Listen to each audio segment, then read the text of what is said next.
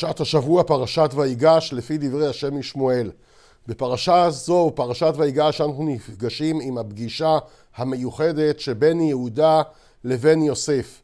ואומרים על כך חכמים במדרש, אמר רבי יהונתן, בשעה שהיו יהודה ויוסף מתווכחים זה עם זה, אמרו מלאכי השרת זה לזה, בואו נרד למטה, ונראה שור וערים מתנגחים זה עם זה. בנוג שבעולם שור מתיירא מפני ארי. ועכשיו שור וערים מתנגחים ועומדים והקנאה ביניהם עד שבא משיח. לפיכך שרה קנאת אפרים. מתאר לנו כאן המדרש שכביכול יהודה ויוסף הם כמו שור וארי שמתנגחים זה עם זה ומלאכי השרת באים ורואים את המחזה. ושואל השם משמואל ויש להבין וכי מלאכי השרת בעלי קינגים הם וכי הם ציידים הם אוהבים לראות מחזות של אריות ושברים שמתנגחים זה עם זה מה פשר המחזה הזה מה פשר המראה הזה שהשור והארי מתנגחים זה עם זה. ומדוע אם בעולם שור מתיירא מפני ארי מדוע כאן השור שזוהי דמותו של יוסף ניצבת איתן מול הארי. מה עניינו של השור ומה עניינו של הארי? מבאר השם משמואל על פי החסידות ונראה כך. במרכבת יחזקאל פני אריה אל הימין. הימין מסמל את החסד. את צד הימין המקרב. ימין השם רוממה זה חסד הקדוש ברוך הוא עלינו. ואילו שמאל זוהי מידת הגבורה. שמאל דוחה, שמאל היא משנית והיא דוחה את מה שאינו ראוי אלה שתי מידות מידה אחת בבחינת עשה טוב, עשיית החסד, זה כוחו של הימין, זהו פני האריה, זו מידתו של יהודה, לעומת מידתו של יוסף, שיוסף פעל בגבורה, שמאל דוחה את מה שאינו ראוי. מה עניין הדבר הזה אצל יוסף? יוסף ירד למצרים, וגדר עצמו מן הערווה, ונגדרו ישראל בזכותו. היינו, שדחה את הכוחות המושכים לערווה מעל כל ישראל. כלומר, יוסף דמותו מסמלת את כוח המאבק.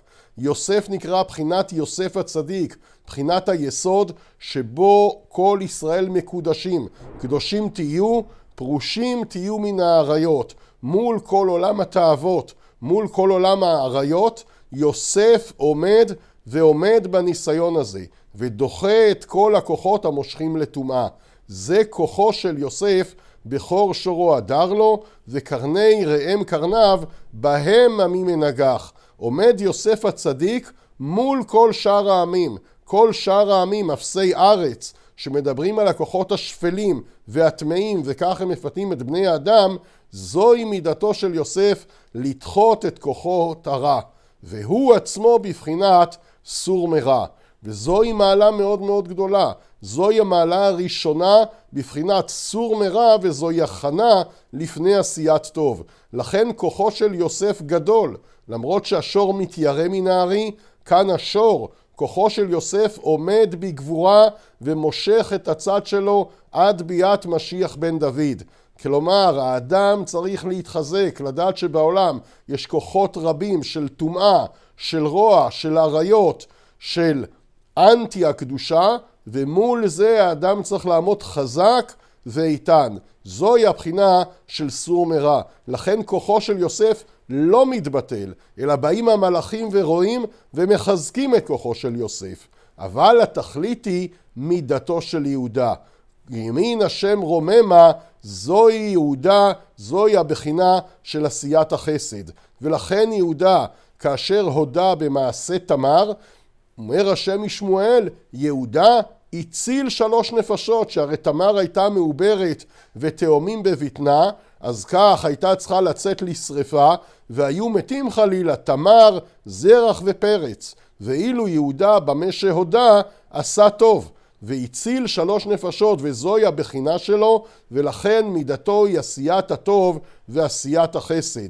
יהודה קידש שמיים בפרהסיה, ונקרא כולו על שמו של הקדוש ברוך הוא, כל אותיות הוויה הם בשמו. וזוהי הבחינה של עשיית הטוב ועשיית החסד, אפילו אם האדם צריך להשפיל את עצמו ולבזות את עצמו כמצבו של יהודה, אף על פי כן עשה הכל כדי להציל נפשות מישראל.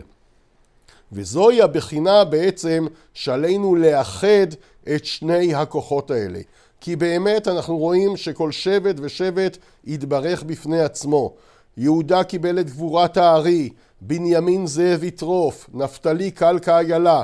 כל כוח בעם ישראל מייצג זרם אחר, שיטה אחרת, מפלגה אחרת, אבל והיו לאחדים בידיך. יכול שלא כללם כולם בכל הברכות? תלמוד לומר, ברך אותם. כלומר, למרות שיעקב אבינו חילק את השבטים, ולכל שבט יש את תכונתו, יוסף עסוק בסור מרע, לבאר את הרשע, לבאר את הטומאה מהעולם, יהודה לעומת זאת עסוק בלהוסיף את הקודש בשם השם המלא, בסופו של דבר כללם כולם ביחד. תלמוד לומר ברך אותם ועושה אותם יונקים זה מזה. היינו, שכל המידות יחד הם בכל ישראל, וכל אחד, כל מידה בפני עצמה היא רק צינור, אבל ביחד הם הופכים להיות זרם אחד. וזו התאחדות ישראל שתהיה לימות המשיח כהפטרה, ועשיתים לעץ אחד והיו אחד בידי. ועשיתי אותם לגוי אחד בארץ. דווקא בימים אלו שאנחנו נמצאים בימי פלגנות ומחלוקת וכל צד מושך לעצמו, עלינו לדעת שבסופו של דבר כל אחד הוא רק צינור ורק ביחד כך יתגלה שם שמיים בגדול ועשיתי אותם לגוי אחד בארץ. ומבאר השם משמואל ששלוש תפילות ישנם בשבת ערבית, שחרית ומנחה וזה כנגד שלוש שבתות מיוחדות ערבית כנגד שבת בראשית שבה נוצר העולם שחרית כנגד שבת של מתן תורה, ומנחה כנגד שבת שלעתיד לבוא.